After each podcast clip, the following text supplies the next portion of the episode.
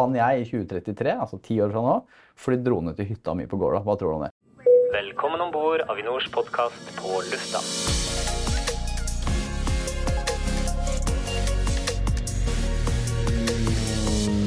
Hallo, og velkommen til en ny episode av På lufta. I dag skal vi ha det veldig veldig gøy, for i dag så skal vi reise inn i fremtiden og snakke om droner og alt det spennende som skjer på den fronten. Og tro meg, det er mye. Den fremtiden den kommer nå hysterisk fort, og jeg skal finne ut av hvordan verden vil se ut noen år frem i tid. Mitt navn er Joakim Wester Andersen. Hvordan skal vi unngå at dronen blir luftens elsparkesykkel? Og hvor lang tid tar det før pizzabudet kommer flyvende med en drone for å levere den rykende ferske tacopizzaen på døra hjemme hos meg? Og hvem er lengst fremme i skoa på droner i Norge? Jeg har veldig veldig mange spørsmål, og til å svare på de så har jeg invitert en av Avinors aller, aller beste menn. Han har den fiffige tittelen leder for droneprogrammet. Han er flygeleder i bånn, han er fra Haugesund, og han heter Aksel Knutsen. Velkommen til oss, Aksel. Tusen takk for det. Så rett på sak, Aksel. Hva, hva er status for droner i Norge i dag?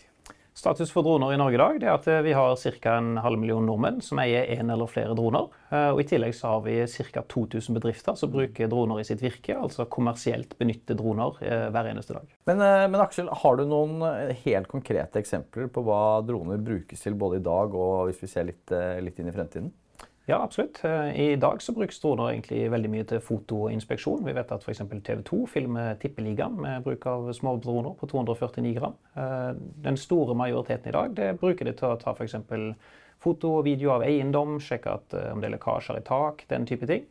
Så beveger vi oss inn i et mer spesialisert område nå, hvor Equinor f.eks. skal bruke droner til å frakte mindre varer mellom, mellom sine plattformer og mellom plattform og land. Og På sikt så er det de veldig futuristiske og spennende casene der vi skal frakte egentlig mennesker, eh, passasjerer, mellom to punkter. Og gjerne mellom to punkter som vi ikke har hatt noe lufttrafikk før, eller mellom en eh, flyplass og et nytt spennende sted. Mm. Men, men, hva er Avinors rolle i dette? Er vi, er vi luftens politi? Eh, vi, på en måte så er vi, vi er litt det, men altså fordi vi forvalter luftrom. Eh, vi styrer veldig mye teknisk utstyr, og ikke minst så har vi en eh, hel haug med lufthavner. Eh, så vi er en naturlig del av luftfarten, både for det vi kaller tradisjonell luftfart, fly, helikoptre, paraglidere, sånne type ting, men òg for droner. Her ser vi at vi kommer til å spille en veldig stor rolle framover. Ja, så vi skal regulere luften for droner slik man gjør det for fly? Da, altså at man, Et slags nettverk for motorvei sånn bare i lufta? Ja, Det er en ganske god sammenligning. Eh, vi kommer til å trenge det. I dag er det en del droner i lufta allerede, men det kommer til å bli veldig mye flere. Så dette må inn i et system, og det, det må gjøres for å sikre at det blir trygt. Og ikke minst at det blir effektivt for de som skal fly dronene etter hvert. Og så har vi Avinor da, kanskje som en følge av dette her, etablert noe som heter Avinors droneprogram.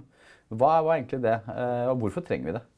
Droneprogrammet er en litt sånn fiffig konstruksjon i Avinor. For vi har laget en programstruktur. Eh, og Grunnen til det er at det, droner det fanger veldig bredt i Avinor. Det er veldig mange fagfelt som blir involvert. Eh, og Da samler vi alle de aktivitetene i et program, og så bruker vi si, organisasjonen bak det. da. Og De fire hovedaktivitetene vi har valgt å legge inn her, det er integrasjon av droner i luftrommet. Det betyr egentlig at vi skal få droner til å fly sikkert og trygt, og effektivt. Mm. Det er veldig viktig for oss. Det er kanskje det viktigste vi jobber med per nå for å hindre at en drone kommer i en fare for et fly eller et helikopter. Altså Vi skal unngå en kollisjon som kan bli veldig alvorlig. Mm.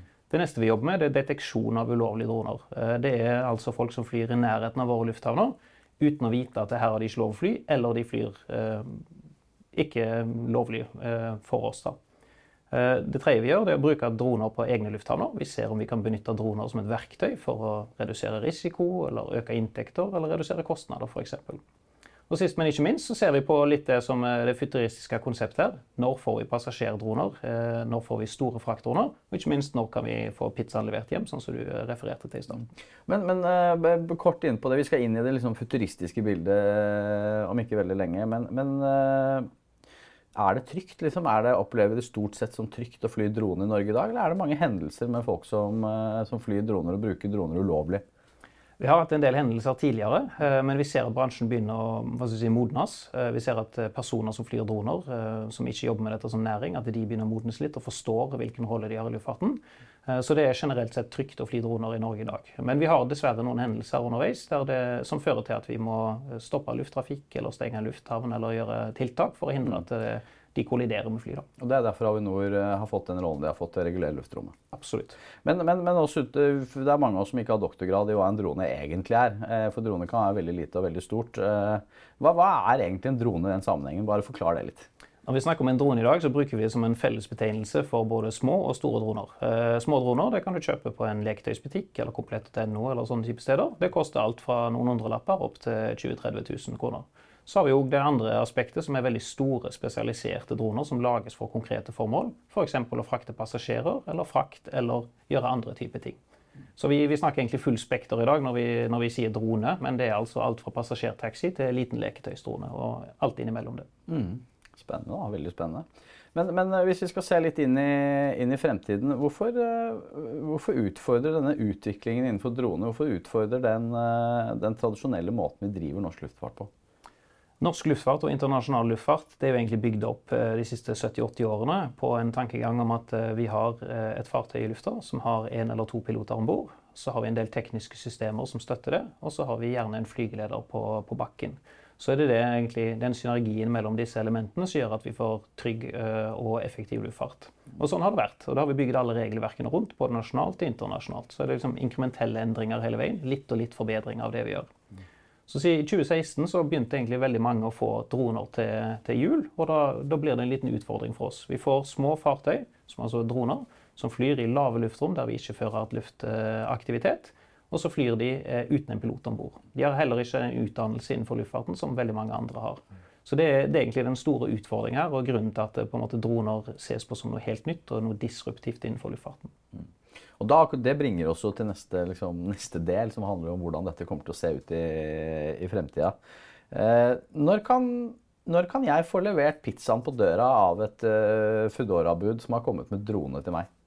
I teorien eh, og i praksis så kan vi egentlig gjøre det allerede i dag. Eh, Men eh, spørsmålet er om vi ønsker at det skal skje så fort. Eh, Det ble jo nevnt litt tidligere elsparkesykkel og reguleringene rundt det. og Det er litt der egentlig dronebransjen står i dag. For det, er ganske mange land som allerede utforsker dette her. Vi vet at det gjøres i Sveits, det gjøres i Australia, Finland og Island. Så testes det ganske avanserte operasjoner med at en drone leverer enkle ting hjem til personer. Det er alt fra kaffe til, til små ting.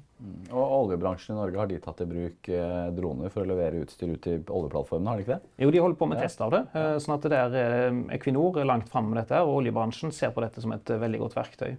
Men spørsmålet litt er når kan du få det i Norge? og Der er det et lite selskap som heter Aviant oppe i Trondheim, som allerede tester dette her nå i en, til en viss skala. Og de ser for seg å begynne med reell leveranse i løpet av ett til to år. Ja, ja, Det blir veldig spennende, da. Men så har jeg hørt at en av, dette er veldig sånn eh, hot topic i, i Avinor også. Så jeg har jo hørt at en av lederne i Avinor han har sagt at eh, innen han er pensjonert, og det er ca. ti år til, da skal han kunne fly drone til hytta. Så da er mitt spørsmål til deg eh, Kan jeg i 2033, altså ti år fra nå, fly drone til hytta mi på Gårda? Hva tror du om det? Eh, Igjen så blir det teoretisk og praktisk. Sannsynligvis så vil det la seg gjøre, altså fordi teknologien er klar innen den tid. Vi tror nok det, at det vil bli litt mer reguleringer vi- enn at hvem, hver enkelt kan fly en drone akkurat hvor de vil. Eh, Dette er nok eh, noe som skal inn i en form for si, mer struktur eh, enn at vi bare kan fly akkurat hvor vi vil. Du kan egentlig ikke gjøre det med helikopter i dag heller. Det fins muligheter for det.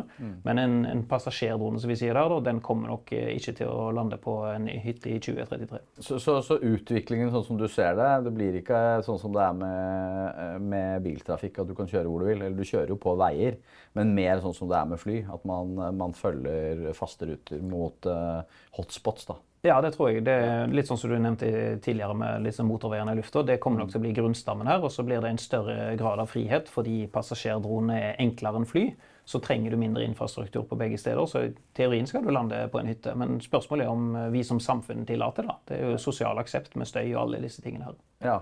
Så, så det blir vår jobb da, med andre ord, og, og i Avinor å regulere luftrommet så vi ikke får det, det samme kaoset som da elsparkesyklene ble introdusert i flere norske byer for, for noen år siden. Ja, absolutt. Og Der får vi en utpekt rolle nå av, av regjeringen for å ta litt kontroll over dette her, og så sette opp systemer for å sørge for at uh, dette ikke blir tilfellet. Og så jeg litt hjem til Norge. Uh, Widerøe de har vel også lansert et uh, Jeg vet ikke om det er et dronetaxiselskap eh, helt, ja, men, men eh, de jobber i hvert fall med dette. Hvordan, eh, hvordan går det arbeidet frem? Du, det er veldig spennende. Vi har faktisk to selskaper, både Videre Zero og noe som heter AAP Aviation, som ser på bruk av passasjertaxier i Norge. Og Det er kjempespennende, for det er to seriøse selskaper med flinke folk som kommer fra luftfarten, som forstår kompleksiteten som ligger i det.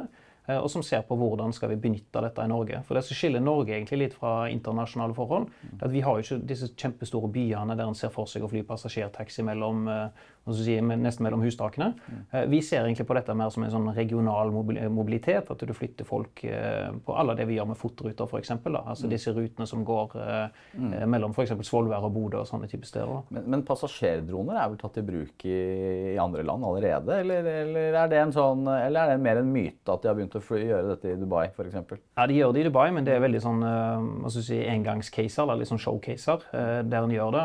Det første vi vet om som blir en form for kommersialisering lansering av det. Det er i Paris OL i 2024. Ja. Der er de, de testflyr det nå, og egentlig alt er klart. Så den liksom, introduksjonen skjer allerede neste år. Mens i Norge så sier Widerøe Zero og AAP Aviation at det nok er 2027 de ser for seg å introdusere dette i det norske markedet. Mm. Og, så, og, og, så, skal jo vi eh, Vi jobber jo med en veldig spennende ting i Avinor. Vi skal bygge to nye lufthavner. En i Mo i Rana, en i Bodø. Hvordan ser vi for oss liksom, eh, utviklingen av dette med droner inn i byggingen av to nye lufthavner. For da må du titte langt inn i krystallkula. Ja, Da må vi se veldig langt inn i krystallkula, for da bygger vi altså noe innen noen få år. Eh, som skal gjerne stå i 20-30 år. Mm. Så det, det, er veldig krevende for oss, men det er det som er den store gleden med å jobbe i droneprogrammet. At du, du, får være med å påvirke det som skal skje over lang tid. da. Eh, og det er, det er, veldig krevende å altså, vite egentlig hvordan blir, hvordan blir dette oppsettet. Altså, trenger vi det, og ønskes det, og hvordan skal det se ut? Vi har en del formeninger der, men vi har jo ingen fasitsvar. da. Men vi, på begge de lufthavnene der så ser vi konkret på hvordan eh, passasjerdroner kan, eh, kan være en del av lufthavnen. Mm, og vi er sikre på at droner kommer til å spille en sentral rolle i fremtidens luftfart. da. Absolutt, det er vi helt sikre på. Du, vet du, Da må vi dessverre sette strek for, for denne delen av episoden og gå, gå litt inn for landing. Men du er en av de mest bereiste menneskene jeg vet om. Eh, og siden du er det, så må vi også få litt god reisenerding fra deg nå helt på tampen. Ok, Aksel. Da skal vi høre litt om uh, den gode reisenerdingen din. Hvor tar du med deg egentlig hele den haugesundske kjernefamilien din når du skal på langtur?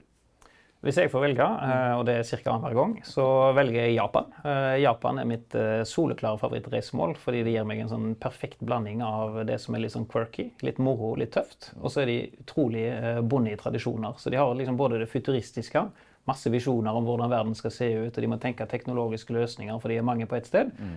Men så er de samtidig veldig tradisjonelle i hvordan kulturen er bygd opp, og hva de gjør, og kutymene er i Japan. Da. Så jeg syns det er en sånn fin melting pot, hvis vi kan kalle det det, mm. der du får egentlig litt av alt på ett sted. Og det beste og det rareste du har spist i Japan? da? Har ikke spist veldig mye rart. Jeg spiste en hel blekksprut. Det var veldig spesielt å sitte og tygge. Altså sånn Med hele hodet og tentakler og alt mulig. sånne små. Det var veldig spesielt. Men det beste er stort sett sushi og udon-nudler og curry og egentlig alt, nesten. Det er fantastisk mat, altså. Det er det definitivt. Og når du hopper på det flyet til Japan, så har du en favoritt-reisegadget du ikke klarer deg uten. Hva er det? Jeg hadde egentlig tenkt å si litt det samme som Gaute. altså Jeg har med en sånn liten uh, manpurse omtrent, så du putter alle uh, ting oppi. Det syns jeg er et kanontips. Men uh, utover det så er det sånn multilada, faktisk. Fordi Hvis en reiser litt rundt omkring, så merker en at alle har ikke USB-er. Så da er det veldig kjekt å kunne uansett ha ladetilgjengelighet om du er på fly eller hotell eller hvor enn du mellomlander, nesten. Ja, ja, jeg er helt enig i det. Og siden vi snakker med det Jeg vet ikke om vi skal kalle deg tech-nerd eller ikke, men jeg tror du er, er litt tech-nerd, så må vi nesten få sånn, et godt tips på en sånn kul reisetech-dingsebom, så har vi kalt det. Hva, hva er det? Det, det er, jeg, har, jeg, har, to tips, faktisk. Det ene er at Hvis du reiser med barn, så trenger, må du egentlig tekke ned. Mm. Jeg har en to år gammel datter straks, så hun, der tok vi med tape på lang flytur til Japan. For mm. da sitter hun og pitter litt tape hvis vi bare limer det på seter. og sånt. Da. Så mm. satt hun i nesten en time og tok av den teipen og var utrolig underholdt. Det funka bedre enn iPad, faktisk. Mm. Men for egen del så bruker jeg en app som heter Flighty, eh, mm. Som anbefales. Den gir meg da, da bare legger jeg inn hvor jeg skal fly, mm. og så gir den meg utrolig mye gøyale stats om hvor langt jeg har flydd, og hva som er favorittselskapet mitt. og alle disse tingene her. da. Men det han òg gjør, at han gir meg eh, varsler. da. Der han sier nå er det så så lang tid til boarding, fly ditt eh, som du skal fly videre med, det lander om ti minutter etc. Så hvis han er litt nerd, sånn som jeg er, så gir det fantastiske muligheter for å finne nye data. Det høres veldig veldig bra ut. Eh, jeg tror med disse, disse bevingede ord så setter vi strek for denne gang. Aksel, tusen hjertelig takk for at du kunne være med. Tusen takk for at du fikk komme. Og til deg som har lidd deg gjennom disse minuttene sammen med oss, takker vi som vanlig så meget. Vi ses i luften om ikke så altfor lenge. Ha det bra! Thank you for flying with us.